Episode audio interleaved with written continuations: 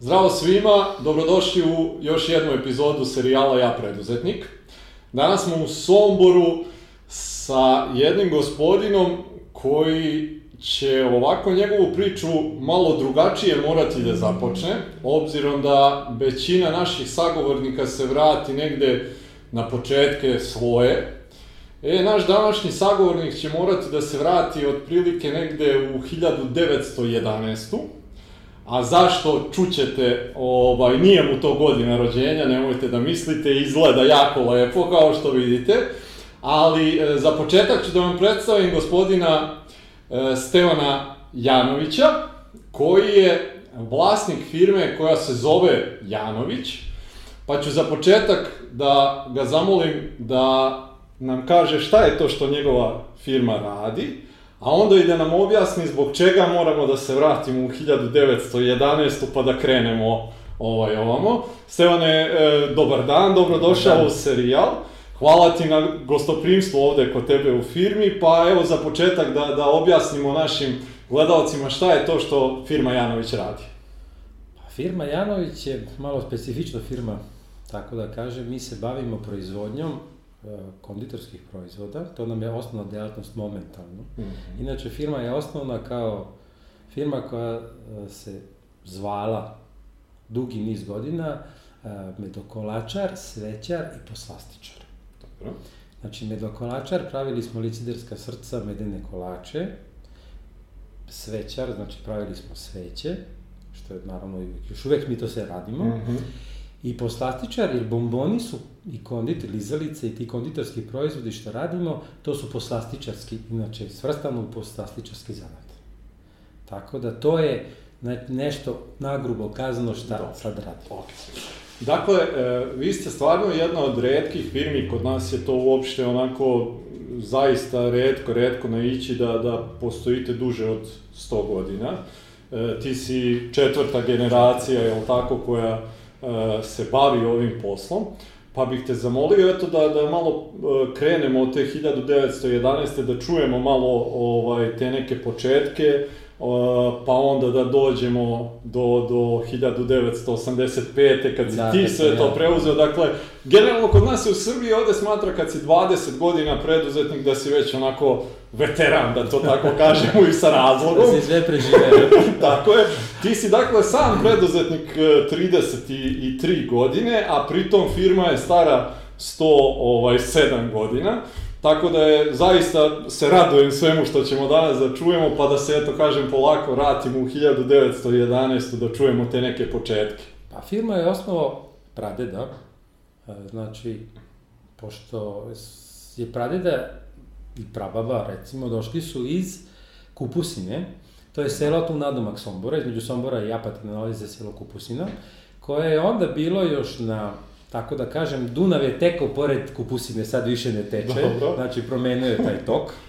Tako da, on je bio, znači, vrlo nizak, sitan čovek koji je bio, znači nije bio ni za poljoprivredu u ono vreme, pošto tamo je bila samo poljoprivreda, i nije bio za neki, ne znam kakav posao, i on se dao uh, u tako kako kaže, otišao je u Frent, što bi rekli Aha. onda, Dobro. otišao je da uči zanat.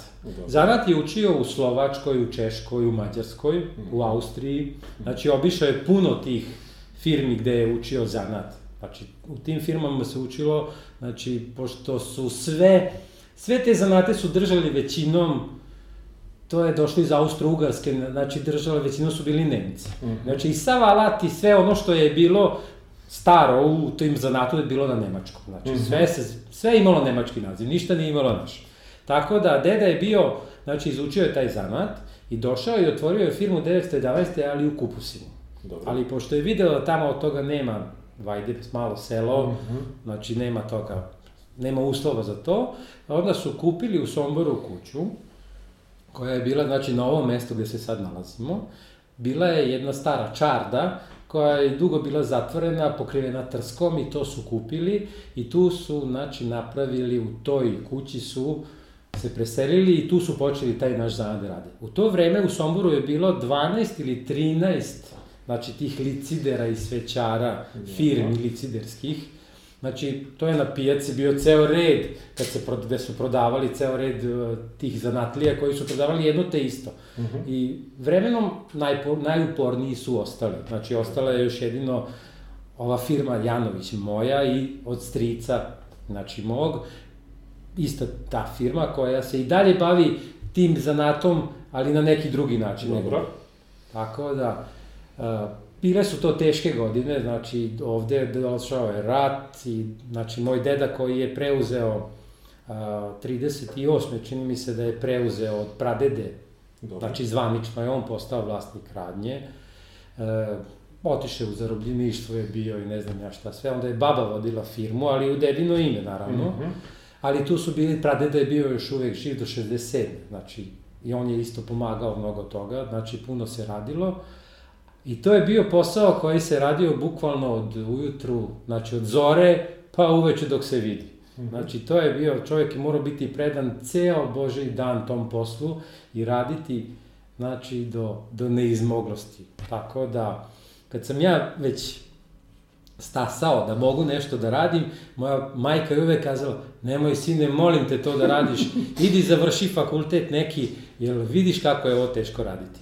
Mm -hmm. Tako da, stvarno je bilo teško iz početka, da. ali svako sebi napravi, Jasne. nađe neki način da to polakša koliko toliko. Ti si rođen 63. Da. Pretpostavljam da si od, od malena na neki način bio uključen ovaj, u sve to šta se dešava Da, da, da, to je, ja znam, bio, to je bio, nisam mogu da vidim šta ima na stolu, pošto su oni radni stolovi, nisu kao obični, ovi, nego na 85 cm Aha. i 90 su visine, tako da baš sam jedno mogu da vidim. Ali uvek je bilo nešto da se radi iz početka, uh, pošto smo pravili sveće, onda deda je najviše pravio sveće, a baba je bila, isto je završila zanat i ona je bila majstor zanata, mm -hmm. znači ona je većinom radila liciderske te stvari, srca, konjiće, lutke, medene kolače. E ja sam kod dede onda morao da čistim, to se tako zvala štavela, to je jedna žica na koju se vešaju uh, fitilji mm -hmm. za sveće. I kad se, znači, prva tura sveća skine, onda se to pretopi mm -hmm. i ostanu končići od fitilja, onda sam ja to morao da čistim. Znači, mm -hmm. dobio sam jednu šamlicu, gde sam seo pored stola i onda sam ja čistio te končiće, skidao dole s toga da bi to moglo, jer to je zahtevalo da neko uradi. Jasno. I to je bio, tog se uvek sećam, to je bio prvi moj posao. Onda kad sam bio malo stariji, onda me baba uhvatila da kaže moraš ti sve da naučiš, ne možeš u kući biti pa da... I onda sam morao da učim kako se šaraju konjići, lutke, da se prvo, prvo sam farbao, to znači onaj konjić ima dole, ne znam, zeleno za travu, pa grivu, pa sedlo, to se sve e, četkicom crtalo, faktički želatinom u boji, I to je bio posao koji sam morao, ne morao, nego to je bilo tako da to se moralo raditi, jer moralo se pomoći. Jasno. I to sam radio i naučio sam posle da, da šaram te konjiće i lutke i srca i sve to. Znači sve faze zanata. Dobro. Onda me deda učio posle kako se mesi testo za medenjake. Jer stara tehnologija proizvodnje medenjaka je bilo vrlo složena, pošto nije bilo kvasaca, nije bilo tih savremenih stvari aditiva, nego bukvalno se zamesilo testo i 99 dana je stojalo da bi ono fermentisalo mm -hmm. i mhm. stvorili se kvasci u tom testu, koji su posle testo dizali gore. Mm -hmm. I to je, znači, bila su drvena korita, u tim koritima, znači, znalo se koliko godište otprilike treba, tih korita, i onda, znači, kad se potroši jedno korito testa, onda se u njega odmah zamesi sledeće testo i stavlja, a zrelo je u podrumu. Tamo, su, tamo je bilo dozrevanje tog testa. I tako da je to, to, onda je on mene učio prvo to kako se to na taj starinski način radi, ali već su i oni prešli onda već na ovo savremeno, ali postalo je tih, znači savremenih kvasaca, ledeni kvasac, taj amonijum bikaronat i ostalo, pa se s tim radilo. I ja sam naučio da to testo mesim kako treba, jer stvarno mi nisu me puštali dok nije bilo onako kako idealno, a nisu dozvoljavali ništa da se zapiše. Aha. E sad, ja sam uvijek pitala zašto ne možemo zapisati sad izračun, da sad smo napravili kako valja, pa da zapišemo. Ne, ne, neko će naći recept, pa će ti biti konkurencija. Aha. Znači, to moraš da držiš u glavi. Ja to naravno nikad nisam mogao da... Ja sam to, i sad kad mesim testo, ja to ga mesim od prilike, jer znam od prilike koliko treba. Znači, izmerimo onaj šećer, med, ono što treba, to se meri. Ali, brašno, od kvaliteta brašna, od svega toga, zavisi kako će to da bude do kraju. I onda smo to, znači ja kad zamesim testo, kaže meni žena, šta sad opet tamo nešto? Pa kaže, nije još dobro, još one rupice moraju biti malo da se dorade i onda ja to uradim. Aha. A stvarno, zna, kad uradimo te medenjake, oni su stvarno, oni medenjaci starinski kakvi su bili, znači na početku, kakav, kak, što se ja sećam kad sam bio dete, Dobro. takvi su bili. Da. Sad ovim što se prodaju po prodavnicama zdrave hrane, ti medenjaci, to nije taj medenjak što to. smo ga mi proizvodili. Znači, mi stvarno radimo ono kako smo radili, znači, pre 100 godina. Tako se i dan. Jeste da sad mi to ne pravimo, jedno, dva, tri puta godišnje pečemo te medenjake, imamo našu prodavnicu gde otprilike gledam uvek da bude, ali i tu se proda. A ne isplati nam se da pokrećemo tu proizvodnju, jer e, nemamo tržište za to. Jasno, nismo, ga, jasno. nismo ga razradili. Tako. Ok, rekao si nam sad da, da e, je tebi majka govorila da ideš da završiš fakultet, da je to suviše teško. E, iz kog razloga ti nisi poslušao majku? Kad si odlučio da, da će to, što je porodični zanat, postati A, tvoja neka delatnost, ono, životna? U principu ne mogu da kažem, e, ja sam upisao fakultet, kad sam završio srednju školu, otišao u vojsku, upisao sam fakultet ekonomski u Novom Sadu, da majici udovoljim. Dobro. I kad sam se vratio, onda je već bilo to da deda mora u penziju, već sad je već pregurao, on je već bio 67 godina, to, pa nije otišao u penziju, a to je u ono vreme, znači 85. je bio jako je već zagazio u ono što ne treba kao za tu penziju je već, što kažem, imao je ne znam koliko, 45, 50 godina staža već. Dobro. I onda je ovaj, onda sam se mislio, onda sa mojom suprugom smo eto tako razmišljali, pošto su i njeni privatnici bili, njen otac je isto imao neku proizvodnju gume i ne znam čega. Dobro. Onda smo razmišljali sad da li da idemo na fakultet, i ona i ja, ili da se prihvatimo od tog posla, jer znate i sami ako se nešto prekine u kontinuitetu, to više i posle jako teško pokrenuti ponovo. A gledajući to da e, su mi majka radila kao službenica, otac mi bio igrom slučaja šef računovodstva u Notisi, I, ali on je opet dolazio kući i opet zasukao rukave i došao da radi taj zanat, taj Mhm. posao. Znači, u tri sata je, u do dva je radio, u tri je već bio u radionici Aha. i ko zna do kad uveče smo mi to radili s, njim i, ne s njim, nego deda je radio do dva, tri, pa je već mu bilo dosta, onda je otac nastavljao da, Da, radi da. to do uveče, jer bilo je potraže za tim. I bilo mi je bez veze da, tako da kažem, da to prekinemo.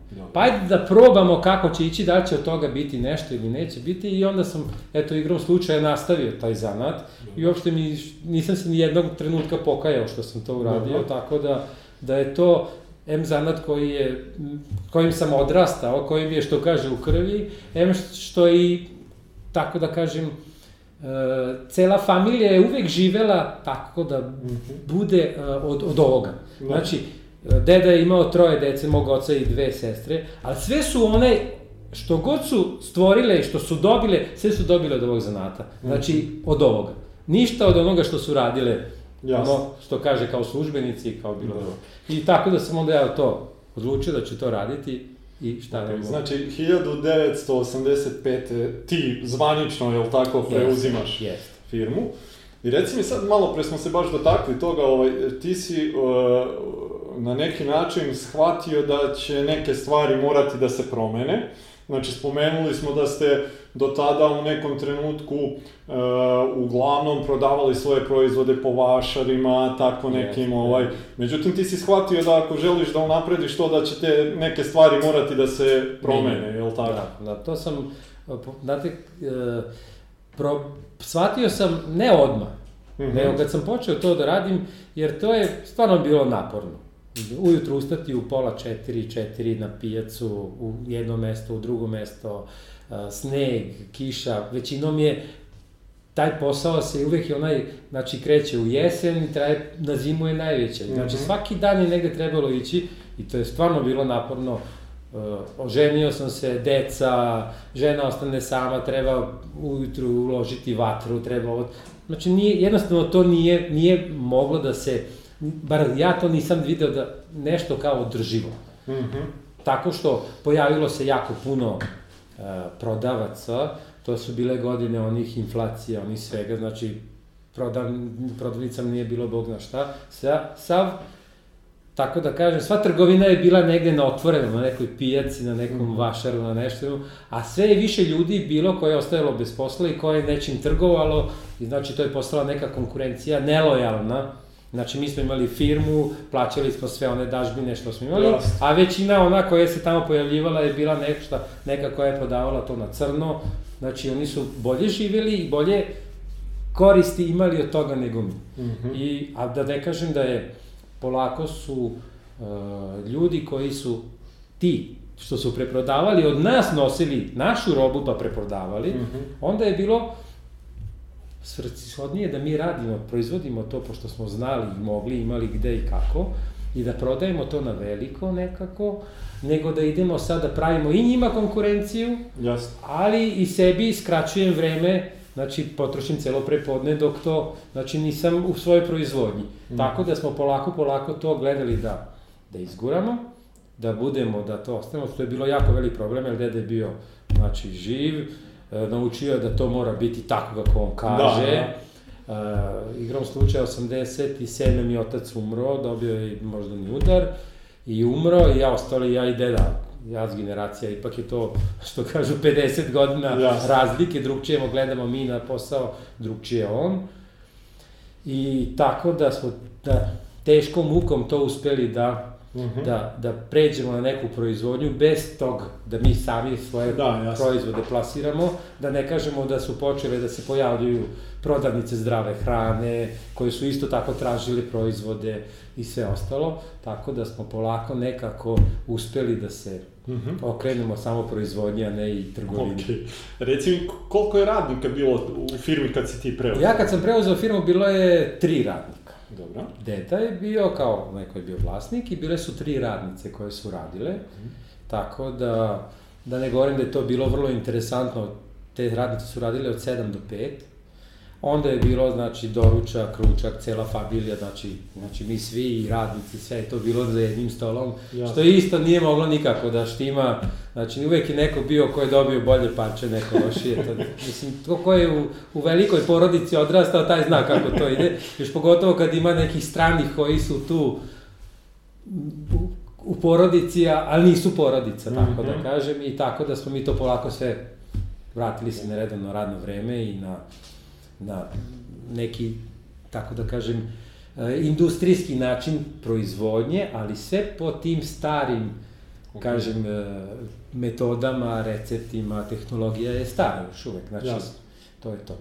E, vi sada imate oko 20 radnika, da. e, izvozite na tržišta švajcarske, nemačke, francuske, slovačke, znači dosta ovaj tih nekih evropskih zemalja, našli ste e, svoje kupce tamo. E, zanima me sad, znači, ti si pored toga što si na neki način promenio e, da, da se bavite samo proizvodnjom, ali si isto tako shvatio da e, je nužno na neki način da ideš u korak sa vremenom, da dobijete i određene standarde kako biste uopšte mogli dalje da budete konkurentni na, na, na tržištu. Da, pa to je bilo, što kažu igrom slučaja, e, da smo krenuli u tako nešto, jer imam moj prijatelj jedan koji je bio tehnolog u Pioniru i čovek koji se bavio kvalitetom njihovim, mm -hmm. on je govorio, mi sad uvo, u, u, uvode standard, pošto treba da radi za Amerikance neke, I onda nam je napričao tamo šta sve i ja nikako nisam mogao da ukapiram kako. Neke, neka slova jesu nešto, jeste, ali nisam mogao da setim šta. I onda sam polako vidio da to je taj hasap takozvani. Dobro. E, I on je mene uputio u to sve i rekao ako želite da radite s inostranstvom, bez toga neće moći. I pošto je to bilo nešto što ovde u Srbiji tek je bilo na pomolu, da li je bilo, mi smo imali recimo kad smo uveli, 2005. smo uveli taj HASAP, mi smo imali 44. sertifikat znači na teritoriji cele naše Srbije, mm -hmm. koji, znači, Hasapa, znači naš je bio 44. I to je, znači, bilo, gde god kaže da imamo Hasap, a šta vam je to? Pa, to nam je, to je, znači, jedan sistem koji se bavi bezbednošću hrane, I to smo uveli baš zbog toga da bi bili sigurni i mi i naši kupci mm -hmm. da su naši proizvodi znači, zdravstveno i bezbedni i da znači, niko ne može na, da, da, ovaj, da nam se dešavaju stvari koje su nam se i desile i svašta nam se, što kaže, dešavalo, ali opet Znači, sami smo, što kaže, čisti prem, prema kupcu i mhm. prema onome što proizvodi. Mm -hmm. Tako da, to je bilo... Da, kako ste uopšte došli do tih inostranih tržišta? Pa, ino, pa mi smo prvo radili ovde, sa, u Srbiji smo radili mnogo. Radili smo e, većinom kad su počeli e, da se, se stvaraju ti e, veliki tržni lanci, znači Roda je bila prva, pa Univer, pa je bio Dis, tako onda u mm -hmm. Srbiji dole, Pa su došli posle toga još, bilo je sadašnji BB Trade, to, pa Gomex, Dobro. za njih smo sve radili, radili smo najviše žele bombone. Mm -hmm. I to je postalo, to smo radili dugi niz godina i uvek smo bili skuplji od konkurencije. I to je bio problem, kad nas pitaju zašto je vaše ovo skuplje, pa kažem, nije da je skuplje, mi ne možemo to jeftinije da napravimo, mi vama napravimo po najpovoljnijoj ceni po kojoj možemo, I onda smo shvatili da ljudi niti imaju standard, niti imaju uslove u kojima proizvode, niti imaju, uh, niti daju to na neke analize, niti, se, niti, niti uh, na tehnološki fakultet. Ništa, bukvalno on je to negde pokupio neku tehnologiju, on je to radio, ponudio po nekoj ceni koja se to njemu isplatila. Uh, Ambalaža, recimo, je najveći problem, recimo mi to zapakuje, znači kad se zapakuje, zapakuje imamo znači, u primoranu i sekundarnu ambalažu. I to znači mora biti određena ambalaža, to sve košta. I to kad se sve ukalkuliše u cenu proizvoda, on je skuplji od onoga što se pojavio, što nudi drugi. Ali kad ja odem pa vidim da je on doneo žele bombone svoje u kutiju deterđenta, mm -hmm. šta tu treba da se priča? Ali trgovci nisu imali uopšte sluha prema tome, njima je bitno da imaju nisku cenu. A nije bitno od čega je napravljeno, kako je urađeno i to je, i ja sam stalno vodio bitku s tim da to ne možemo i da mi ne možemo jeftinije raditi, ali za to što platite vi znate šta ste da. kupili. Da. I tako da, da smo dugo niz godina radili i onda smo počeli da izlazimo na sajmove, na, već na Novosadski sajam, pa smo bili u Celju na sajmu, pa šta znam gde smo bili. I onda su počeli da se javljaju neki drugi ljudi koji nisu tada iz Srbije bili. Uh mhm. -huh. I polako smo to tržište razgrađivali, kad se pojavi negde na nekom tržištu nešto novo, svi gledaju odakle, mm -hmm. novo, vam, da, da, tako da je to bilo iz početka tako. I na sajam smo većinom, ne većinom, nego svaki put išli zajedno sa firmom Artival, Dobro. našim prijateljima Radetim Čičićem i Tanjem. I znači, taj štan smo uvek delili podelili troškovi, mi smo štan podelili po pola, mm -hmm. znači oni osnovi troškovi su bili zajednički, a sad svako ono svoje što je bio, Jasno. to je svo snosio. Tako da, i uvek smo kazali, nama je dovoljno da se pojavi jedan dobar kupac na sajmu i nama se sajam isplati. Mm -hmm. I tako je to i bilo iz početka, tako da kažem iz Hrvatske, iz Bosne smo dobili, iz Makedonije kupce. To je, ali to je većinom bilo sve ovde, ove bivše Jugoslavije. Mm -hmm. Tako da sve je više bilo tih kupaca koji su tražili neki druge proizvode, ne žele bombone koje smo najviše radili. I to je e, prevagnulo da smo na kraju se, da smo sve te tako da kažem, trgovinske lance stavili u stranu i više ne radimo ni skoro ni sa jednim, zato što su im postali uslovi nemogući. Mm -hmm. Znači, to su iz početka neki rabati koji su bili 5-6%, otišli su na 15 do 20, a da ne govorimo, to je, na, to je najosnovni rabat što ne kažu. A još imaju citav jedan spisak strana koja piše, ne znam, za razvoj ovoga, za razvoj onoga, za razmenu podataka, za ne znam čega, što je još toliko, tako da je faktički ispalo da e, od cene naše mi treba 35% da damo rabata, što nije, znači, znači to se obrnuta je stopa, mm -hmm. pa je ta ti 35% nije 35%, nego to izađe i 40 nešto posto. Mm -hmm. I jednostavno se nije isplatilo. Da bi, moglo bi, isplatilo bi se to da su oni to redovno plaćali, mm -hmm. nego su oni, znači, stalno zatezali, Znači, stalno smo zvali, dajte, platite nam, da. dajte ovo, ne možemo da radimo, ne možemo da isfinansiramo i toga smo se polako, što kaže, i okanili. I onda smo, uh, pošto je čerka pisala novinarstvo i sve ostalo, onda napravimo sajt Dobro.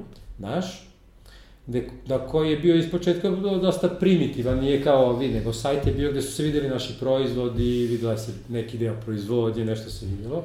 I počeli su ljudi da se javljaju sa strane, jednostavno zainteresovani su bili za to. Kad smo poslali uzorke, znači slali smo uzorke, ja ne znam gde po svetu nismo slali, I kad su videli, bili su zadovoljni, vrlo zadovoljni, i svi su hteli da krenemo neku saradnju. Ali šta je bio najveći problem opet na svetskom tržištu? Postoji i Kina, mhm. koja sve pravi po nekoj ceni koju mi ne možemo da, za te pare mi ne možemo to da napravimo. I tako da su se onda ljudi polako, polako, kako da kažem, uzimali su manje količine, da bi bio evropski proizvod, mm -hmm. ne kineski, i kad su shvatili da se Evrop, to naše prodaje, a ono kinesko ostaje, mm -hmm. onda je, onda smo polako, polako uveličavali, znači, te izvoze, znači, proizvodnja je rasla, izvoz je rastao, tako da to je nešto što, što nam je mnogo pomoglo. Mm -hmm. Znači, bez tog interneta mislim da ne bi ne bi ništa uspeli da mm -hmm. Svi veliki kupci koji su došli, znači došli su preko naše tog web sajta mm -hmm. i mhm. naših naših tih e, da. proizvoda. Svakako mislim da, da je internet na neki način totalno promenio ovaj, celokupno kako sve funkcioniše, ali pošto sad pričamo o, o tom poslovnom delu, gde e, ti više nisi bio uslovljen na neki način da moraš da prodaješ samo svoju robu na, na našem tržištu, yes. nego si mogao zahvaljujući njemu da dođeš i do drugih kupaca, eto, znači samo da spomenemo, tvoji proizvodi se prodaju i na Azurnoj obali, yes, u Nici, yes. u Pragu, znači zaista na nekim ekskluzivnim lokacijama, u Parizu, u Parizu tako je, ovaj, zaista na nekim ekskluzivnim lokacijama do kojih možda pre nekih, eto recimo kad si ti preuzeo firmu, možda nije, ne, to jednostavno nije bilo moguće. Nije, nije, nije bilo je, sasvim je sad nešto drugo. Iz početka je bilo jako teško. Kad čuo da smo iz Srbije, svi, mm. niko to nije gledao, da gledao je proizvod, ali nije gledao odakle smo. Aha. I onda kad vide da smo iz Srbije, ja, to je kao da sam rekao da smo, ne znam, iz Tunguzi. To je tako bilo. Da ne kažem da su bili, ne zbog toga, zbog nas i naše, našega, nego jednostavno uvoz tih proizvoda u te zemlje je uvek bio pod nekim znakom pitanja. I stalno smo imali, znači, dodatne kontrole, dodatne neke, neke analize, stalno, stalno, stalno je nešto bilo, tako da, da, dok je to, dok smo to malo prevazišli, sad kad je to krenulo, sad više to i bili, znači provera je bilo milion, znači da, znači da li je evropski proizvod, onaj eur jedan obrazac, famozni, da, da, da kažemo da je evropski proizvod, znači to je bilo, izvezemo robu u Italiju, pitam je stigla, jeste, stigla je u skladištu je na carini. Dobro. Jeste vi zadovoljni s tim? Nismo još ni videli, kaže.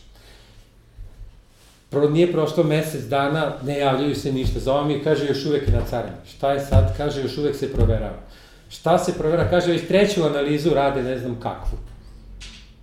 I tako da na kraju, to je, prvi put je prošlo glat. To je već bilo drugi, treći put kad smo već, drugi, treći izvoz kad je išao. Jednom dolaze meni, dolazi dopis iz uh, carina, iz uprave carina, da će dobiti kontrolu, doći će u kontrolu carinski neki, ne znam kakav organ, tog i tog dana, u toliko sati, i stvarno se pojave oni ljudi, ljudi, kaže, mi smo dobili iz Italije, kaže, dopis, da proverimo da li je ta roba koja je poslata u Italiju, da li se ta proizvodi ovde, da li je to naš proizvod, uh mhm. -huh. jer oni su bili ubeđeni da mi to uvozimo iz Kine, prepakujemo i šaljemo za Italiju. I onda su tu bili, slikali, snimali, znači imamo, pošto u tom Hasapu, znači vodi se ona kompletna dokumentacija, porekla robe, porekla sirovina, svega onoga. Znači sve smo to prikazali, sve su to videli, znači poreklo šećera, ne znam ja šta sve nisu tražili. I to je, znači kad su to poslali, znači to je prošlo tri i po meseca kad je ta roba tek ocarinjena u Italiji. I onda su ovi hteli da dignu ruke od nas da neće više s nama da rade, jer to njima je prekomplikovano. Uh mhm. -huh. I više, znači, jedno, dve, tri godine nismo imali nikakvih problema, onda se opet jednom pojavilo tako, ali pošto su znali ovi naši o čemu se radi, opet da, su da. došli, da. samo došli, pogledali, znači, skenirali smo im sve te dokumente, snimili proizvodnju, baš smo i onda radili opet nešto za Italiju, isti ti proizvodi se tu proizvode, i tako da od tog doba više nismo imali problema. Okay. Tako da, To ko nije prošao, taj ne zna, ali kako sad... To je posao koji, znači, mi sa tom italijanskom firmom radimo već sad 10-11 godina. Mm -hmm. I stvarno nam je bilo sad, u ono vreme kad je to bilo, 2008. 9. u stvari 2012. 13 šta sad ako prekinemo taj posao, da. tamo se lepo uradilo i to je, bile su, znači tako se znalo, dogovorimo s njima godinu dana unapred šta pravimo, koliko pravimo, kad isporučujemo i to smo mi se sve toga držali, tako da, mm -hmm. i oni nisu s tim imali uopšte problema. Tako da sad ako izgubimo taj posao zbog carine i zbog ne znam čega, to nam je bio da, problem. Da, da. Onda su problem naši špediteri, mislim, po, pošaljemo dve, tri palete za Italiju, ono ne, ne dođe 21 dan Oni voze to, ode, odvezu ga u Beč, iz Beča ga odvezu, ne znam gde, u Francusku, iz Francuske ga onda šalju u Italiju. I na kraju smo shvatili da je najbolje da mi to šaljemo, ovde najmimo kamion, lepo natorimo i pošaljemo da. i to je tako sad, sad znači danas ocarinim, sutra uveče ili prek sutra ujutro je to da carini da. konje. Da. I tako da smo rešili te sve, okay. znači sve to u hodu nekako ide. Ali kon, na, to su, to je sve, tako da kažem, nerviranjem ili, znači, do, do besvesti, dok ne, ured, ne udesiš to kako treba. Jasno. Jasno. Tako da. Ali takav je valjda ono preduzetnički život. Stalna borba uvek, sa problemima. Uvek nešto novo ima. Okay. Tako da. Zanima me sad, e, spomenuo si da je firma imala tri radnika kad, kad si ti preuzeo. Da. I rekli smo sada je to već nekih 20-ak, u jednom trenutku si imao i više, ono kako smo... Zanima me sad sa te strane kako je tebi to, uh, ti si znači od malena tu naučio si što se samog zanata tiče si učio i od dede i sve to. Kako si se snašao sad uh, kad si preuzeo, ok, to je zahtevalo da ti dalje se baviš proizvodnjom, ali sad si imao i još jednu dodatnu obavezu koja se tiče i upravljanja i samom firmom, i ljudima, i sve. A dobro, taj prelaz nije bio baš takav, sad od prestupa više ga nema, što dobro. kaže dede. Tu je bio i moj pokojni otac, koji je, znači, on je vodio, znači, financije, vodio knjige, on je mhm. bio računovođa, tako da to mu je bio posao, tako da je to mhm. bilo, s te strane, relativno dobro Najgore je bilo, znači, te 87. kad mi je otac umro, jer on je bio taj koji je bio podrška i koji je to sve radio. Deda je već bio u godinama i on je samo, kako bi rekli, uvek nešto gunđao, nikako nije bilo po volji. Dobro. Tako da, onda je bila, znači, ta 87. je bila ta prekretnica najveća i kad je, kad smo ostali, ostao ja, znači, sa ženom i sa tri, četiri radnika, ne znam ni koliko je bilo, I kad je to trebalo, sad sve, sve spalo na mene. Mm -hmm. Onda je to bilo problem, znači, pa onda kao za inat uvek neke inspekcije, neke, ne znam, uvek nešto se dešavalo,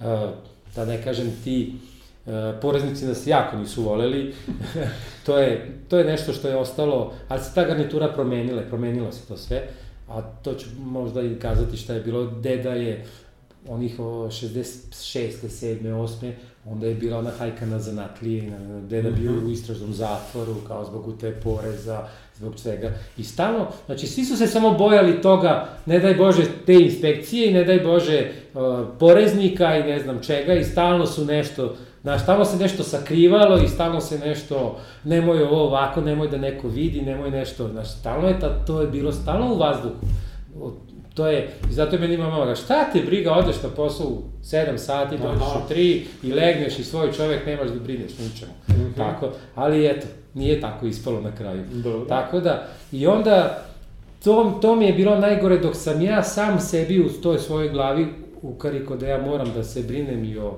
i o financijama, i o radnicima, i o platama, mm -hmm. a, tako da, igrom slučaja, tetka mi je, računovođa isto ima, sad imaju biro, znači sestra je nastavila ta tu firmu da radi i oni su nam mnogo pomogli u vođenju knjiga, mm -hmm. u vođenju svega toga, Dobro. papirologije, tako da s te strane nismo imali problem. Mm -hmm. Dobro, znači trudio si se znači, da, da dobiješ te neke da, informa pomoć sa strane, yes, informacije. Yes. Ja sam bi jako teško bio. Mm -hmm. Mislim, tako da, i onda uh, uvek su mi kazali da ne treba ne treba sve prikazati, kaže. Pa dobro, pa sad ne mogu ja, kako sad ja sad, ja ne mogu, drugo je to bilo kad smo mi išli na pijace, pa sad ti ne pokažem. Ali kad ja prodam sad nekoj firmi, ovo i ovo i ovo, pa ja to moram, pa ne daj Bože, otiće njima u kontrolu, pa će naći moje, meni to ne treba. Tako da, iz početka je to bilo tako kako je bilo, ali onda svi su navikli da to sad treba da ide sve nekim legalnim tokovima i da, tu, Da. da to na kraju isto izađe, Mhm. tu i tamo, to je isto, nego, nego da, da se sve to Da, nešto- sa, sa jedne strane u principu ti si imao prednost koju, eto, da kažem, porodična firma nudi obzirom da si mogao da učiš od dede zanat i te neke stvari, ali si isto tako morao da se izboriš sa njima, obzirom da su oni imali jedan u tom trenutku već način razmišljanja koji postaje zastareo, i da se izboriš sa svim tim, da, da to uvedeš u neke tokove koje si ti video da bi i kako bi to, to, to trebalo da ide. Pa, to je bio, to je bilo interesantno, jer svi kažu, a lako tebi ti ste sledio firmu. To je, znači, Da, M da. familija to kaže, M i ostali koga ko zna, ti si, da, tebi je lako, ti nemaš briga. Ali ne znaju jedno da mi smo naše tržište, znači dedino, što je deda stvarao, nikad nije bila, bila je ovde u Vojvodini, Mhm. nešto, a većinom je sve bilo, znači, u bivšim republikama, u Bosni, u Hrvatskoj, u Sloveniji. Znači, to je bilo nešto gde smo mi radili. I nismo radili ovo što sad radimo. To to, znači, žele bombone, to sam, uh, same žele bombone sam ja uveo u proizvodnju. Uh, deda je, znači, radio sveće. Znači, on je bio čovek koji je jako, kako ja kažem moja žena, pričljiv i omiljen u društvu i sve je to bilo dobro, a njegovo društvo su bili, znači on je, kad god imao vremena, to je pored nas, ovde pored kuće je e, karmelićanski samostan, Mhm. fratori karmelićani, i on je tamo bio, jer tamo s njima je odrastao i tamo je bio, i znači u toj, polako u toj crkvenoj hijerarhiji, on je stvorio nešto da smo mi radili sveće. Znači, mi smo radili sveće za katoličke crkve po Vojvodini, po Hrvatskoj i po Bosni. Bombone smo radili ono što smo nama, što smo iz početka, ono što je trebalo tako nekom, što je neko nešto naručio i što smo prodavali sami za sebe, znači ono što je išlo na pijace. I, i kad je se raspala ova Jugoslavija, znači naše to tržište se raspalo. Znači mi smo ostali ovde u Somboru, u, u Srbiji, tako, bila je Srbija i Crna Gora. Da. I znači to je bilo nešto što nam je ostalo. U Crnoj Gori smo isto tako u katoličkim crkvama prodavali sveće, ali nismo radili ništa drugo. To, to tržište se jednom smanjilo na, znači, ostalo je 10% ili 15% tržišta nam je ostalo od onoga što smo imali. I onda smo gledali šta možemo i kako možemo i onda smo krenuli, znači, proizvodnju bombona, Mhm. pojavile su se, kad je ta Srbija postala Srbija, u stvari Jugoslavija, pa on je embargo, ovaj embargo, onaj, onda nema ničega, onda smo programili tvrde bombone. I to je nama jako dobro išlo, te tvrdi bomboni su jako i dobri bili, i ja i sad su dobri, i to smo radili, znači, za, za vele prodaje po Srbiji, dok nisu još bile te koje sad jesu, Da, da, nego dok su da, bili da. mali, oni su onda bili u osnivanju, svi skoro, Jasno. i Diskomerci, i Univer je bio mali, i Rodić je bio tu u koli, i Roda, ona Jasno. je bila mala, znači za njih smo radili, I radili smo jako puno, smo polako u Beogradu počeli preko Artivala, preko Radeta, tad smo mi krenuli saradnju i onda smo radili tvrde bombone. Bukvalno mi smo imali i po 50 šarže na dan bombona, to je znači nekih tonu bombona, preko tonu bombona smo mogli da napravimo dnevno. I to je bila potrebna, nismo mogli da napravimo koliko treba i onda smo imali dve smene i 30 radnika i svega ostalo. Mhm. Tako da, To je Morao si- nešto, to je nešto što smo mi sad, znači nema veze Jasno. više sa dedom, nema više Jasno. veze sa starom firmom, sa tim, znači to je sad nešto novo što smo sticajem okolnosti i tog našeg preduzimljivog duha, tako da kažem, Jasno. uspeli da, da stvorimo. Da, na neki to je- način ti si jest. morao da se prilagodiš tržištu i uslovima koji nastaju, onako, Jest. menjaju se. I kad je to bilo tako, onda je počelo, znači ta stara radionica postala mala, onda smo napravili prvi objekat koji nije bio proizvodni, nego je bio, znači od tih viška tih sredstava smo napravili, znači taj naš tržni centar su ga tako zvali Janović, bilo je 5-6 lokala unutra i to je isto bilo jako dobro, znači nešto u to vreme. Ali proizvodnja dalje opet je zahtevala prostor. Onda smo napravili novi proizvodni prostor i to je opet zahtevalo nešto, svi su mi gledali, jao, šta će ti to, kaže, možeš proizvoditi onom u čemu. Pa može, ali to nije to. Tako da polako smo onda i to sve prilagodili tome i toj proizvodnji. Igrom slučaja, taj embargo nije večno trajao, znači trebalo je nešto novo uvesti, jer bomboni, bilo je sad uvoznih bombona i svega ostalog drugog, tako da smo onda da smo počeli da radimo te lizalice i te stvari koje su opet izlaskom na sajam došle u prvi plan uh mhm. -huh. i dan danas da kucam i to što sad najviše da. radim. Znači, e, ono što me zanima je, firma, apsolutno, znači sad si izneo tu, je morala da se prilagođava uslovima na tržištu, svašta nešto da prilagodiš tome, e, tom trenutku vremena, da to Jeste. tako kažem. E sad zanima me, malo pre smo baš, ovaj, ja i ti nešto razgovarali, I dok smo bili u proizvodnji, ovaj, si mi rekao ovaj deo ja volim, međutim kad dođe onako da treba da se pregovara i to, to ti nije bilo.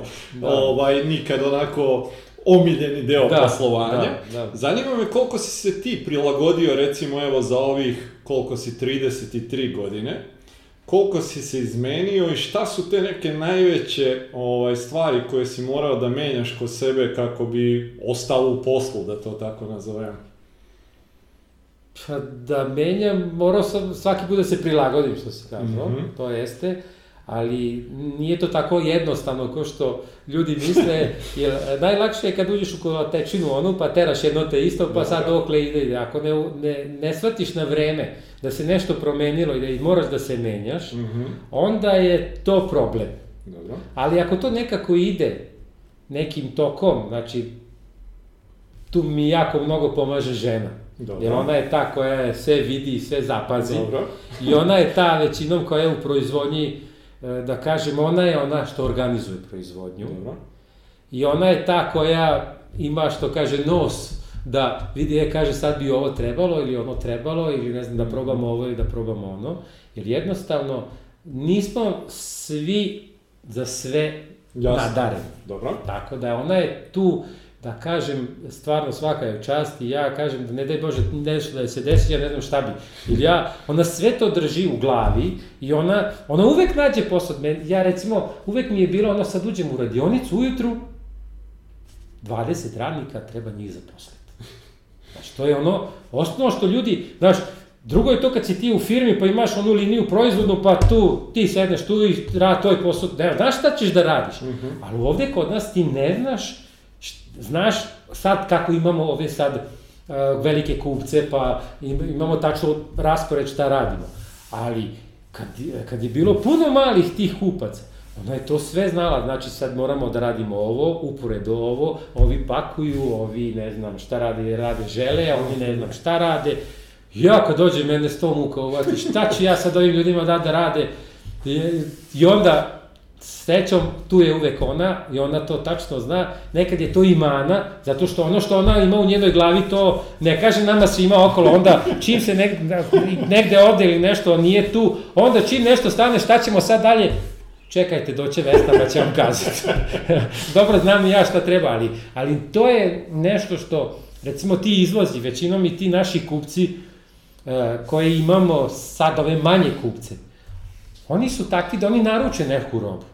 Onda zove kroz tri dana, ej, dodajte mi još ono, dodajte mi još ono. Sad mi to, danas treba da imamo izvoz, da izvozno carinimo, oni se setili, trebaju mi još ono, ja, Vesta, kažem ja, nema. Kažem, ne, ne, ima, ima, napravit ćemo. I onda ona to, gde iskopa, šta uradi, i ja kažem, ja, gde, jutros kad sam došao, recimo tu gde je magazin gotove robe, gde je spakovano to što treba, pa tu je bilo diskutija, kažem ja, ženo, kako će ovaj izvoz da ide, kad ovde nema ni, ni, ni četvrtina, ni petina nema, nema ništa. Nemaš ti brige do dva sata kad treba da carino da ide, bit će sve.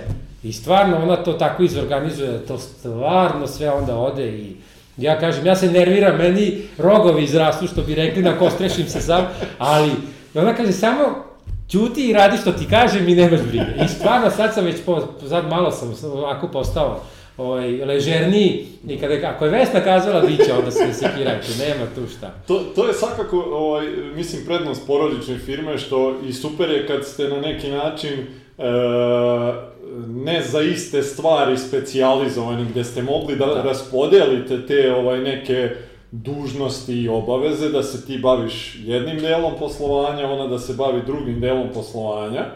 E sad, zanima me kako si recimo isto radnike koje ste zapošljavali, na koji ste način odlučivali da li će neko da dođe da radi za vas ili ne? Opet je žena tako je, opet je žena tako je, ona ima intuiciju, tako da uh, redko kad pogreši. Dobro. Prvi, kad čovek uđe na kapiju, kod nas, tu na, na ulaznu, i kad dođe da traži posao, ono jednostavno nekog, nekog, uopšte ne mogu da, da dokućim na koji način. Dobro. Kaže, ne, ne, nemamo potrebe za ratnikom, recimo. Dobro. Ili radnica nije bilo. A ima neko se pojavi i kaže, dobro, dođi ujutru, pa ćemo da vidimo. Mhm. I mogu da potpišem da od recimo ljudi koliko je prošlo kroz ovu našu firmu, ali tu ljudi su i dolazili i odlazili i ne znam ja šta, mislim da ako je na tri, na tri žene pogrešila, na puno sam rekao da je pogrešila. Mhm.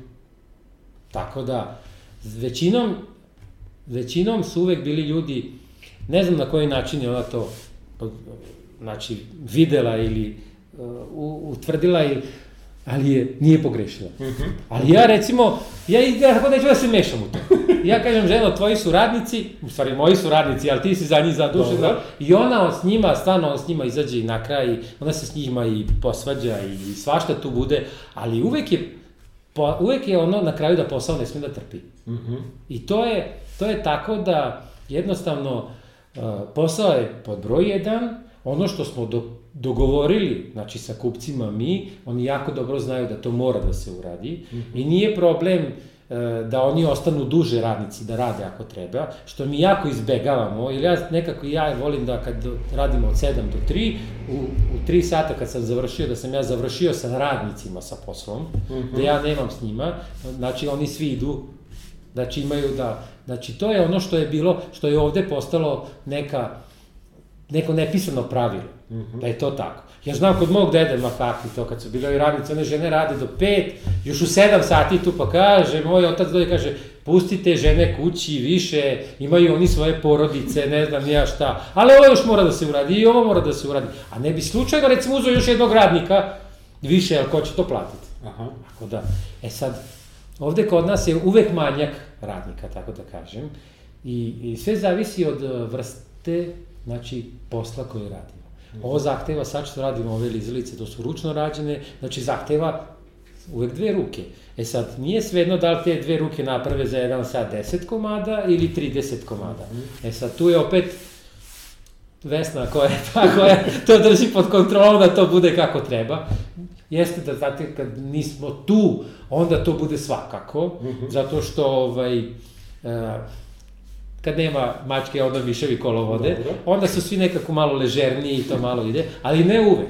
Sad, kako ima, e, smo uveli taj IFS standard, moramo imati video nadzor u svim znači, tim radnim prostorijama, a hvala Bogu tehnologija ide napred, znači to na svakom mobilnom telefonu može da se vidi ko šta radi, tako da Vesni nije teško da pogleda ko šta radi i da reaguje ako ne ide kako treba. Ok. Tako da, da što se toga tiče sa radnicima, nismo imali problema nikada Ok. i oni su stvarno e, većinom koji dođu, dođu po preporuci. Znači, e, preporuče ih oni koji već rade ovde, da je neko ostao bez posla, da je dobar, da će raditi i onda, ako ga, što, što ono priča, ono ženi od onog, Aha, dobro.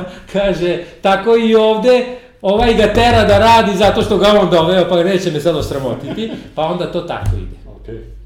A Reci mi, radnici su već, e, već imamo radnika koji su tu, znači od 89. 90. znači tu su već skoro 30 godina. dva, da, ima penziju koji su dobili, dobili otišli odavde, znači nije su od, od mene, ali bukvalno i kod mene su otišli koji su kod dede radili, nastavili su kod mene i odazde su otišli u penziju, tako da mi stvarno teška srca nekog otpustimo, ako moramo, i stvarno sve gledamo da, da sve načine nađemo da ne bude, ali ljudi su jako, ovaj, s ljudima je najteže raditi. Mhm. I jel to, ako mu daš jedan prst, onda dva, onda tri, kada uzme celu čaku i ne znaju meru, to je najbolje. Ok. E, zanima me sad recimo isto te neke odluke koje ste donosili, pretpostavljam da, da je i Vesna naravno isto Naravno, bila uključena u njih, ali zanima me, obzirom da ste, eto ono, prava porodična firma, čisto na koji način ste te neke odluke zajedno, kad ste recimo razgovarali šta bi trebalo, primjera radi sad, da li da uvodite HASAP ili ćete e, početi da poslujete na tržištu, ne znam, e, Sloveniji ili Francuski i to, na koji način ste te odluke donosili? Pa, te odluke, većinom su sve zajedničke. Mhm. Mislim, stvarno, ja bih grešio dušu da gajdo sam ja sad taj koji je Dobro. znači, vlasnik firme, ja sam taj koji radi, ne, bez nje, znači od prvog dana, u stvari ne mogu kazati od prvog dana, ali posle, znači od one 87. 8. godine, znači sve što smo radili, radili smo zajedno. Mhm. Znači, bukvalno, ono što dogovorimo nas dvoje, to gledamo da realizujemo. Dobro. Ona ima, ona je malo temperamentnija, ne malo, nego mnogo od mene. I onda ona što smisli, to mora biti odmah ili će propast sveta, a ja to sve bi pet puta da razmislim, Da. da proverim, da to ne znam šta. I sad je isto tako, kad treba neka mašina da se kupi, onda ona kaže šta se sad misliš, trebamo da kupimo, to nam treba i gotovo. Onda ja to ponuda, pa ćemo već jednom kupiti, jer će odlučiti koju ćeš, šta ćeš. Mhm. Znači, ali e, većinom je to zajednička odluga, ona je ta koja gura, a ja sam taj uvek koji nešto koči i tako da... Misliš li da je to možda i, i, i, i jedna od komponenti uspeha vašeg, pošto ste tako različiti, pa onda stvari sagledavate Pa, iz različitih većinom uglova? bude to i dobro, Mhm. nekad zakasnimo, stvarno nekad zakasnimo zato što ja to težem, Dobro. ali kad, a ne, a, puno puta se desi recimo da nešto unapred hoćemo da uradimo, Imali smo taj, ne, ne kažem da je problem, nego to za italijane što radimo lizalice, trebali smo da radimo i bombonice. Oni su zahtevali mašinu za pakovanje, zahtevali su ne znam šta su. Mi smo sve to odmah, pošto smo stvarno lepo radili, daj brzo to, kaže, ali Vesna kaže, pa daj još ovo, pa ne, ne, sad sam ja bio taj koji je teo da to Aha. bude odmah. I na kraju taj posao nije propao, s njima jeste, ali nismo ga sklopili, ali sad imamo mašinu s kojom pakujemo drugima, daleko od toga da ona nama ne treba, trebala ona i nama. I onda, ali e, možda smo, da smo malo to opet razmislili malo drugčije na neki drugi način, možda bi to bilo drugčije, ali čudni su, kaže ono, putevi, tako da, da nekad je to dobro kad čovek reaguje u momentu, a nekad je bolje kad se malo razmisli pa se to, pa se to nekog drugog ugla i trećeg ugla pogleda da li se sve to isplati ili ne isplati. Ali kad je neki dobar proizvod, nije problem da li, će ga, da li ćemo sa prvim kupcem stvoriti, napraviti posao. Znači, kad se pojavi na tržište, on sam sebi probije put. Mhm. Znači, to je dovoljno da se pojavi na jednom mestu da ga vide i da vide da je dobar i da se prodaje, pa odatle idu dva, dva posla, tri posla i na kraju je to tako izrasta u posao. Znači, kvalitet je nešto što je presudno u onome u prodaji. Pogotovo naše, naše bombone ledice, ne zato što ih mi pravimo, a stvarno su urađeni kako treba. Znači, ništa nismo zakinuli, ništa nismo, što kaže da bi bilo jeftinije, skratili. Ručno su rađene, što je opet jedna velika, velik plus na zapadu. A drugo je što deca su jako veliki filozofi. Ja gledam samo moju decu. Mhm. Znači, oni, kad nešto probaju, ako je to ukusno, znači drugi put će poželeti to da kupe ili da jedu. Ako je nešto loše, to su probali i bacili i nikad im više na pamet neće biti da tako nešto kupe. E, ti naši proizvodi su takvi da, znači, zašto se održavaju na tržištu? Zato što kad ga kupite jednom, on je dobar, ukusan, kvalitetan, kupit ćete ga i sledeći put. Bez obzira što ima i drugih proizvoda koji se pojavljaju. To je ono što prodaje roba. Mhm. Znači, kvalitet mora da bude bez ikakvog kompromisa. Ne, tu nema kompromisa. To je nešto što, što, što ne možemo sebi dozvoliti. Ja puno puta kažem i sa ženom se tako, daj da nešto, zašto mi moramo sad to baš sve tako da uradimo, jer imam, možemo kupiti aromu, lupam za, za, za 15 evra kilu, a možemo da kupimo i za 100 evra, ista aroma, i ovo je jagoda, i ovo je jagoda, ovo je veštačka aroma, ovo je prirodna aroma jagode. Mhm. I to, zna se kakva, od koje firme, znači, je kupljeno. I, ali to, znači, gledamo sad da kupimo ono, jer to je toliko malo utiče, to su sitne stvari, one, one e, na cenu utiču, ali e, onaj krajnji rezultat je nemerljiv. Mhm. Tako da, to je nešto što... Dobro. E, da se dotaknemo, znači ti sad e, ovaj, imate tri čerke, tako? I... E, I troje unučadi. Ok, čestitam, Ja sam svaka deda, čast. da, ja sam trostruki deda. Dobro, čestitamo ti na tome. E, tvoja e, jedna čerka je odlučila da nastavi, jel tako? Znači ona je već peta generacija Da, pet. koja je ovaj, u, u, u porodičnoj firmi. Zanima me sad tvoj odnos prema njoj, na koji način si se trudio da nju uvedeš u sam posao? Jel to, i ona pretpostavljam da je odrastala isto kao i ti u sve Pa ovo? sve tri su odrastale Dobro. sa ovim. Znači, one su od malih nogu koji ja, tako su i one dolazile da, pošto je, one su najstarije 86. godište, pa 87. i 92. je ova najmlađa. One su kod nas u proizvodnji bile bukvalno svaki dan. Mhm. Kad su već bile da mogu nešto da rade, znači njima, ni, znači skoro sav posao koji mi obavljamo, radimo, one su upoznate s tim, ne mogu sad to da rade, da kažem ono što ja radim da rade one. Mhm. Znači, ali su upoznate sa svim tim, znači većinom su pakovale, znači spremale robu, to, to je bilo nešto što s tim su, čim su one odrasle i sad kad nešto zaškripi, bez problema sve one idu, dođu u radionicu da, da pomogne i da, da se to uradi, da subotom, nedeljom, to je, nema, znači kad nešto, imamo neki, nešto što moramo da ispoštujemo, onda nema subote, nedelje, nema praznika, nema ničega. Mhm. Tako da, one su o, stvarno bile, e, i vole to da rade, i hoće to da rade, s tim što mi njih nikad nismo, od kako su se rodile, nijednom nismo znači, e, terali ili, ili ih usmeravali da oni se bave ovim poslom kojim se mi bavimo. Mhm. Znači, one su išle u, u, u, znači, u osnovnu školu, posle u srednju školu, posle na fakultet, znači svaka je, ono što je izabrala, to je i završila. Znači, najstarija je završila nemački jezik i književnost, radi u školi, predaje nemački jezik, radi u privatnoj školi jezika, prevodi, sad polaže za sudskog tumača, ne znam, Mhm. ja kakve sertifikate, sad sve do, za, ne znam, za pravni, za medicinsko prevođenje, za ne znam šta sve. Znači, to je ona, ali kad treba mal na pomoć, onda kažem, treba nešto da dođem da pomognem. Jes da i ona sedi noću i prevodi i ne znam šta radi, ali šta da radimo, to je, takvi smo naučili, što kaže moja majka, kaže, to ti je Janovićeva gen, kaže, ti ne mogu da sede, ni nešto moraju da rade.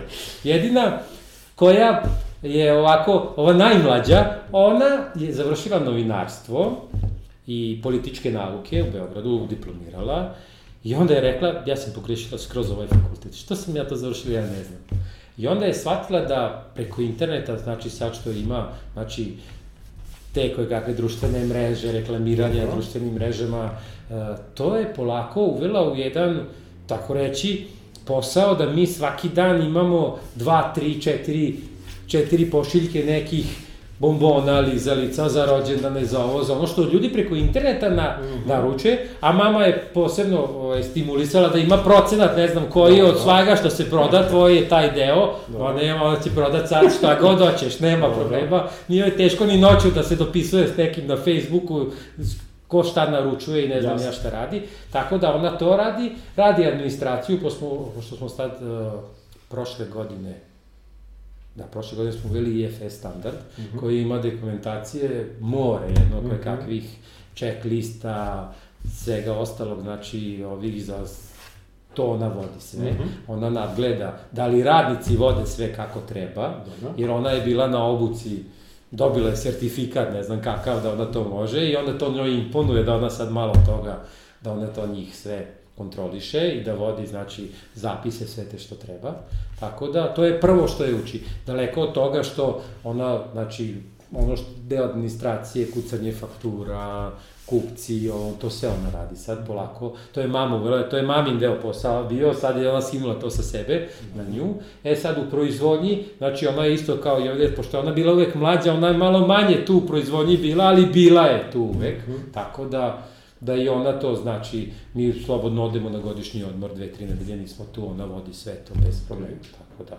A imamo još srednju čerku, ona je završila biohemiju, e, završila je master, iako sad za koji dan će da doktorira na biohemiji, Čestitam. Tako da, ona je nešto što je opet, svi pitaju, pa zašto nisi uzela nešto što mama i tata rade, pa da bude to? Pa kad nju to nije interesovalo, Da. tako da ona se okrenula nečem drugom i ona ima neki drugi svoj san, ona je udala se pre godinu dana, godinu i po, ima isto malog sina i onda ona bi nešto, ona istraživanja voli, ona laboratoriju voli, znači Bila je u ne- Norveškoj na spe, nekoj specijalizaciji, ne znam koliko i njoj, sada ona ide u Norvešku na to na, na postdoktorske studije i tako da, ona će biti Znači, neko najškolovaniji od naših svih. Ali su izabrale svoj životni put. Je, su izabrali svoj bez prilike, nekog- bez, Da. bez, znači svi imaju sve. E, Sad zanima me, obzirom da, da si spomenuo onako da, da kao i većina preduzetnika i nemaš ono nekih slobodnih dana i da to ovako, e, ti neki tvoji izduvni ventili, hteo bih da se ovaj, dohvatimo malo i toga, ovaj, da kažem da si i reprezentativac Jugoslavije, Da, da. Ovaj, Srbije. Pardon. Srbije, Srbije. Ovo- Bio sam i Jugoslavije u ono vreme, sad Dobro. sam Srbije. Eto, ovaj, e, pa malo da se dohvatimo i tog dela, obzirom da smatram da je i on jako bitan kao neki izduvni ventil od, od svega to, Pa ovoga. nešto ovako, da, da budem, e, to modelarstvo ja sam se počeo baviti još ono kao učenik u osnovnoj školi, četvrti, peti razred. To je bilo raketno i aeromodelarstvo. Imali smo jako dobrog nastavnika tehničkog koji nas je tako s tim, za, kako kažem, zainteresovao za tako Mhm. nešto. I onda posle toga sam krenuo u aeroklubu ovde u, u Somboru, gde mogu da kažem da sam jako puno naučio stvari koje nigde ne bi naučio. Znači, Mhm. ta, to modelarstvo, znači, naši, ti modeli, to su letelice, znači, ove bespilotne letelice, moj kolega, recimo, radi bespilotne letelice, Mhm. jedan pravi dronove isto tako, Mhm. tako da to su nek, znači, oni se bave profesionalno tim, to nije sad da je to nešto njemu onako, Da. znači, oni imaju svoje firme koji se s tim bave, i oni su ljudi isto tako počeli kao i ja. I ja sam tu, znači, naučio ono, od osnovne stvari da naučiš da nešto turpijaš, da nešto, da nešto radiš, da, da, da nešto stvaraš, ali svaka letelica, pa taj naš model koji leti, koji je slobodno leteći, on ima jako puno tih e, mehanizama u sebi koje treba doraditi, uraditi, napraviti, a bukvalno to sve radimo mi sami, ručno, ili na- sad ima srećom tih koje kakvih mašina s kojima može da se uradi, ali sama ideja svega toga i se, jer je e, da, da, da, da održavam sam svoje mašine, da ne znam ja šta, to mi sve potiče od tog modelarstva. Mhm. Tako da, da i moji prijatelji koji su, recimo, se bave s tim istim i rade neke stvari, znači pokvari se elektronika, ja nemam pojma što mislim, je da sam završio neku informatiku i programiranje, ali ja jednostavno ne mogu da se merim s tim, dođu, pomognu, urade, to je ono što, a da ne kažem, taj izduvni ventil je sasvim nešto drugo, e, to, ja sam se smeo, kaže, izađeš na livadu, pošto imamo, ni to na nekoj na livadi moramo da poštamo, kaže, sedneš i blejiš. Ja sednem pa blejim, gde da blejim. To je meni bilo nesvatljivo. To dok sam bio klinac, ja to nisam ni primetio, mi smo stalno nešto trčali vamo namo, ali sad kad sam bio stariji, ja imam onu stolicu, onu rastavim stolicu, metnem mam mali stočić, sednem, izvadim model i desi se nekad da sedim tako na livadi i da uopšte ne, ne letim sa modelom, nego blejim, što kaže, sto, što, da idem nikad sam, već s kolegom. Onda mi se raspričamo, pričamo, znači jedna opuštena stvar, nešto što nema veze sa poslom, Jasno. sa porodicom, sa ne znam čim, mi pričamo o svačemu, mislim, ne mogu da kažem o čemu. Jednostavno, ja se vratim tog mog izleta, recimo, to traje 3-4 sata, ne znam koliko, Dobro. leti duže, zimi, sad ne idemo. Ja se radim, kaže, na, šta ste vi radili? Ste vi nešto pili? Nismo pili ništa. Pa kaže, ti drugi čovek došao nazad. Aha. Pa jeste, jednostavno sam se opustio, Resetovao sam se. Mhm. Resetovao sam se.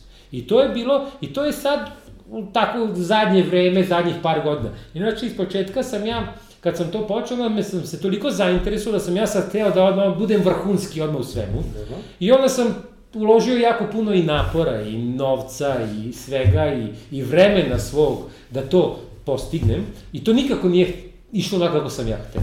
Tek kad sam ja to stavio u neki, tako da kažem, drugi plan, Dobro. znači da sam ja rasterećen išao da se bavim s tim, onda su došli rezultati. Da Tako kažemo da sam da postao, ste i ja sam Evrope. Prvaci Evrope smo, znači ove godine, znači generalni prvaci Evrope u tom euro, a, aeromodelarstvu, s tim da smo u, kako da kažem, to je rezultat koji još nije, dakle, cela Jugoslavija bila unazad kako to postoji, nikad se nije desilo da su bili, da je neko bio prvak Evrope. Mhm. Znači, uvek su bili dobri pojedinci, Mhm. is- iskakali su, bili su i prvaci sveta i prvaci pojedinačni, ali nikada je ekipno, da je cela ekipa bila Mhm. dobra. Ali ove godine se tako potrefilo, eto, da smo, da smo uspeli, Da iskoristimo I- ovu priliku da vam čestitamo na, na Pa, tome, lepo. pošto ovaj... jer bi mi bili bolje da imamo malo više podrške države nego što imamo, ali Dobro. to je sve. Evo možda ako neko bude ovo gledao, pa Gledao, čuje, da, pa... da, tako Okej. je. Da se vratimo mi sad ovaj, na, na preduzetništvo ponovo. E, zanima me, obzirom da nam emisiju gledaju i preduzetnici koji su već e, pokrenuli nešto svoje, ali nas e, prate i ovi koji razmišljaju o tome šta bi e, i kako bi pokrenuli, tu su negde da pokrenu neki svoj posao. Zanima me neke savete koje bi dao njima na osnovu svog iskustva, da im daš par saveta šta je to o čemu bi oni trebalo da razmišljaju, o čemu da povedu računa i na koji način da uđu u preduzetništvo kao takvo. Pa, jako teško pitanje, ali e, jako, prvo treba biti, čovjek mora u svojoj glavi da odluči šta će da radi. Mhm. Jer preduzetnik je čovjek koji je 24 sata preduzetnik. Mhm. Znači, to nije nešto što kažu ja odem na posao, odradim mojih 8 sati, pirne prazne glave idem kući. I bavim se porodicom i bavim se svim. Da bi bio preduzetnik, znači mora da se odrekne, još pogotovo na početku, mora da se odrekne nekog svog i slobodnog vremena. I, i tako da kažem, neke, nekog eh, bi, eh, zajedničkog eh, druženja sa porodicom, nekog konkretnog, jer, znači, nikad ne zna čovek kad će mu trebati posle podne, veče, rano jutro, znači, on mora biti 24 sata, što sam rekao, preduzetnik. I to je, znači, to ako ne, ne reši da to tako ide, od tog nikad neće biti preduzetnik. Mhm. Tako da, e, treba jako dobro razmisliti šta raditi, znači, koliko dobro je čovek e, potkovan za taj posao koji će da radi, jer e, da li je usluga, da li je, da li je proizvodnja, znači, zahteva, zahteva, znači, neko znanje, neko, ili, ako čovjek nema to znanje, onda mora, znači, da ima nekoga ko će ga uvesti u taj posao. Mhm. Znači, znači mora imati neku pozadinu. I to dobru pozadinu, jer e, sam na svojim greškama je najteže Mhm. tako naučiti i najskuplje. Znači, najbolje je kad bi imao neko ko bi to Neku vrstu mentora. mentora. Da. To bez toga teško ide. Jako teško ide. Tako da, a onda još, da ne kažemo, sami smo rekli na početku i ti si rekao da mora čovjek biti i znači i svoj tehnolog, i svoj finansijer, i svoj direktor, i ne znam ja šta sve moraš biti da bi bio uspešan preduzetnik. Ako ne možeš sam, onda moraš, jako važno je, najvažnije od svih stvari je znači ona podrška porodice. Jer ako ti ostaneš na poslu pa te neko juri kući što nisi došao da nešto uradiš, a nije važan posao, od tog isto nema ništa. Znači treba neko da shvati da treba, najbolje je kad imaš pomoć. Ja sam u svojoj suprugi stvarno imao pomoć, imao sam u svojim roditeljima, u dedi, u ne znam ja šta. Stvarno je to bilo nešto što je bilo je tu razmirica i svaka šta je bilo, ali uvek je bilo, znači, neko ko će me usmeriti, ko će mi na početku pomoći da uradi, bez obzira što se vremena menjala, proizvodi menjali, e, interesovanja naša i sve ostalo se menjalo, ali je uvek bilo neko ko će bar relativno nešto pomoći. Da ne kažem da je pomoć prijatelja jako važna, ako nešto zaškripi, da ti neko pomogne i da ti neko nešto e, uradi ili finansijski ili bilo kako, ali to je, znači, bez jednog celokupnog tog, bez toga ne vredi počinjati.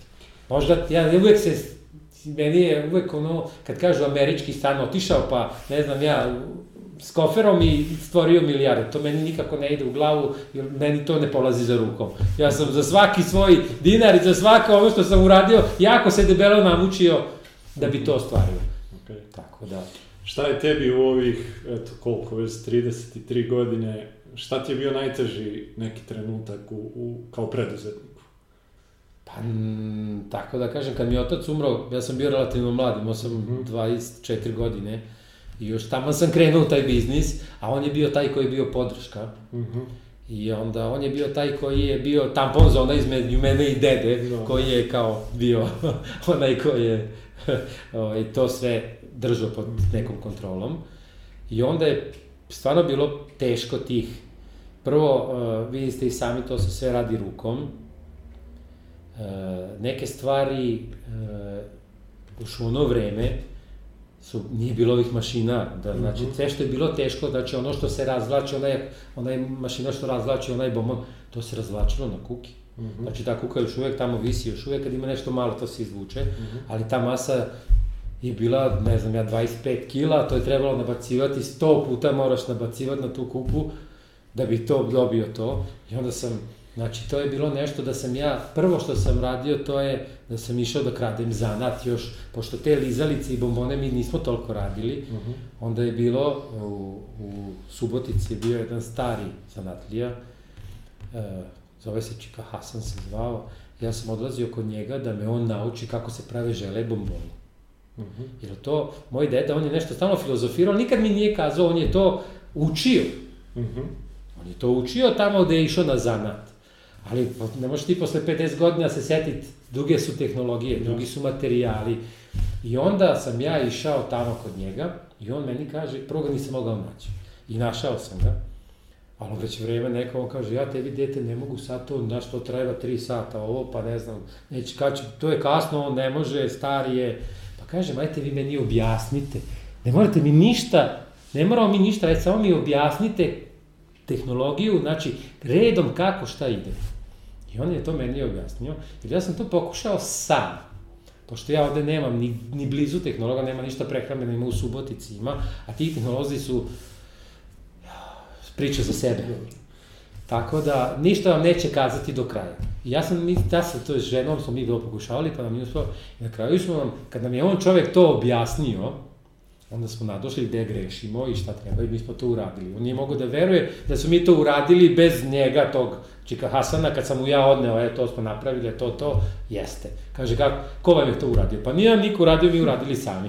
Tako da, i onda puno stvari je bilo koje sam učio, tako da kažem, kod drugih, koje nisam, ne da nisam znao, nisam znao nisam to radio, a nije imao ko da mi objasni. Mhm. I onda odem, čujem da radi neko, ne znam, u Pazovi, neko radi neke bombone, i ja odem ko kupac.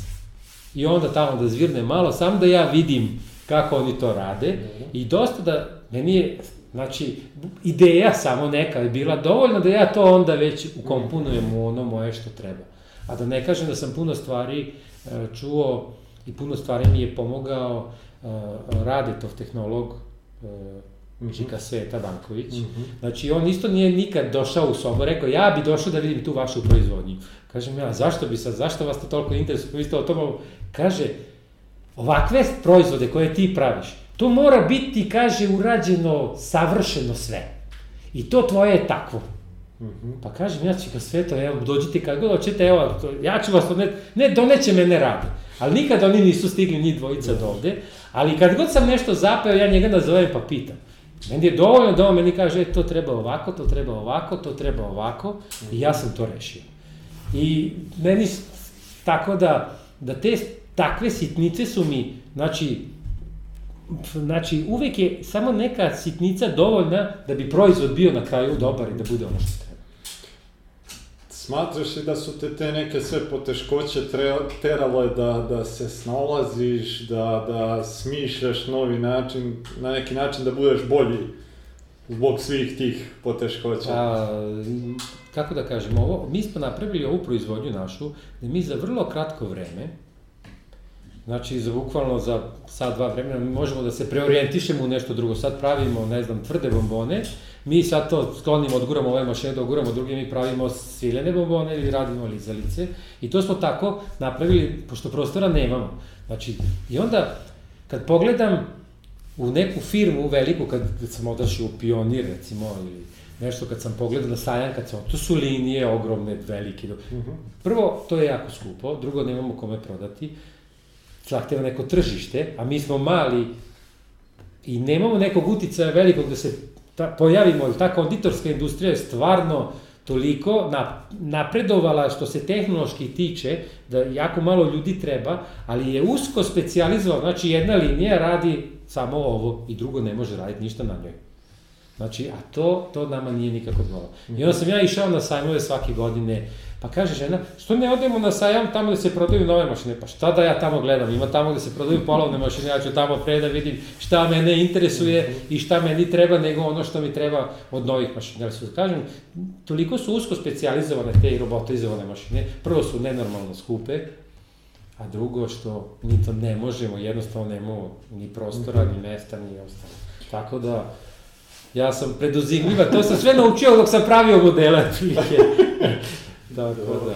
Kad se okreneš sad u ove e, 32 godine koje su protekle, e, od kad si vlasnik firme, na što si najponosniji? Pa na, ponosan sam na to što što sam uspeo da održim prvo sve to što je bilo, da dignem na jedan tako da zavidan nivo što se tiče i tehnologije i svega ostalog. Drugo, što su nam, porodica nam je najvažnija, znači od porodice kreće sve. Znači to ko, ko nema iza sebe porodicu i ko nema znači, nešto što je e, skladno, znači gde nema razumevanja i svega ostalog, tu nema ništa. Znači mi imamo sve to, znači deca su nam sva uspešna, znači, mi smo relativno uspešni, jes da smo trn u oku drugima, ali da to tako ide. Znači, to je ono što, na čega sam stvarno ponosan i što za, za recimo, puno puta kad odem negde, ne ovde po Srbiji, nego odem u Zagrebu, u Ljubljani, od, i negde u Budimpešti recimo, pa kaže, znam vam i za vas Janović, kako da ne. Tako da, to je nešto što se, to ne može preko noći da se stvori. No. I to je, znači, svi misle kad, čuje za nas da smo mi neka fabrika, firma, ne znam nešto, mi smo onakvi kakvi smo. Mislim, voleo bi ja da to bude jednog dana, da bude, mo, ma, možda bi nam i bilo nekako lakše da ovo zadržimo, ali da malo nešto u industriju, da, da se okrenemo nekom industrijskom nekom proizvodu, gde bi nešto kljucalo, bio ja tamo ili ne, ono bi nešto pravilo neku, neku vrednost i neku, neku robu koju bi koja bi mogla da pokrije neke troškove koje je sad jako teško pokriti. Yes. Jer toliko su zahtevni postali svi, znači, počevši od, od znači, svih tih uh, standarda koje moramo da imamo, pa znači svaki dan se nešto novo pojavi da jednostavno -hmm. Bez tako nečega nećemo moći. -hmm. Pogotovo što je jako teško naći radnu snagu koju možeš obučiti da nešto radi. To je, znači, čim je nešto ručni rad, da. lako je nekog staviti pored mašine gde nešto Jasne. ispada, da nešto otkine i da sklani, ali tamo gde on treba da proizvede, to je već problem. Da. I mi imamo sreću što imamo takve radnike koji su dugo godina kod nas i koji su verzirani i čim jedan fali, odmah je to nešto u proizvodnji se poremeti. Ima drugi ko će da ga zameti, ali on taj drugi negde opet fali. Ali to je nešto što, što bez, uh, ovako možemo raditi, dok smo, verovatno ja i žena tu i dok možemo uskočimo na svako mesto, mhm. ali vidjet ćemo kako bude kad ova mlađa generacija počne, da li će oni uspeti da se tu snađu, makar mi njih usmeravamo sad i polako kupujemo i mašine i sve ostalo, da krenemo neki proizvod koji će biti znači, manje zahtevan, što se tiče radne snage, nego i više će mašina toga da uradi, ali polako da može sve on tako. Pitanje sa kojim završavamo razgovor e, je sledeće. Da imaš mogućnost da se vratiš u 85. kad si preuzeo firmu i da Stevanu iz 85. daš neki savjet, kakav god on bio. Šta bi mu rekao? Šta bi mu rekao? Rekao bi mu da da da sam pogrešio na jednom mestu, to je nešto što je moja odluka bila u ono vreme, ispravna par godina. Sva sredstva koja sam imao nisam uložio u neku proizvodnju, u neke mašine, nego sam napravio objekat koji je, znači, koji je bio dobar tamo par godina, mm ne da je dobar, nego nosio neki lep prihod, Ali da sam sve te pare uložio u proizvodnju, i u mašine, da mislim da bi bilo sad lakše. Ne lakše tim, nego da bi imao nešto što, što raste drugčije nego ovo što sad, što sad imam. Tu, mislim da je to ono što je, ali mislim da nisam pogrešio ni jednom trenutku što sam ovo ostao da radim. Uh mhm. -huh. To nikad nisam sebi ni prebacio, ni, jer da mi je bilo teško i, i svakako je bilo i bez para i bez inflacije i svega i svačega.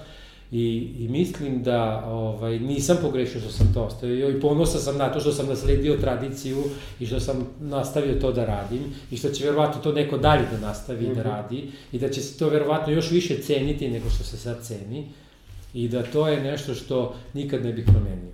Kažem, jedino od tih par nekih takvih poteza koji su bili na početku, ali znate kako čovjek ima 24 godine i kad mm -hmm. ima 54, jako je velika razlika u, gledanju na sve. Jasno. Tako da, to je... Stevane, e, hvala ti puno za vreme koje si odvojio sa, sa nama. Siguran sam da će sve ovo što si podelio ovaj, značiti mlađima od, od tebe, pošto ja mislim da su gotovo svi koji nas prate mlađi preduzetničkim stažom od da. tebe. Želim ti puno uspeha u, u narednim godinama koje dolaze da, da e, za, Hvala. za tvoju firmu ovaj, i u drugim evropskim zemljama ovaj, saznaju, da se i dalje proširite i e, nadam se da, da ćemo u nekim narednim godinama koje dolaze imati mogućnosti da, da imamo više ovakvih firmi kao što je tvoja. Hvala lepo, šta da kažem. Prijatno, hvala i vama što ste bili još jednom sa nama. Vidimo se sledeće nedelje. Doviđenja. Doviđenja.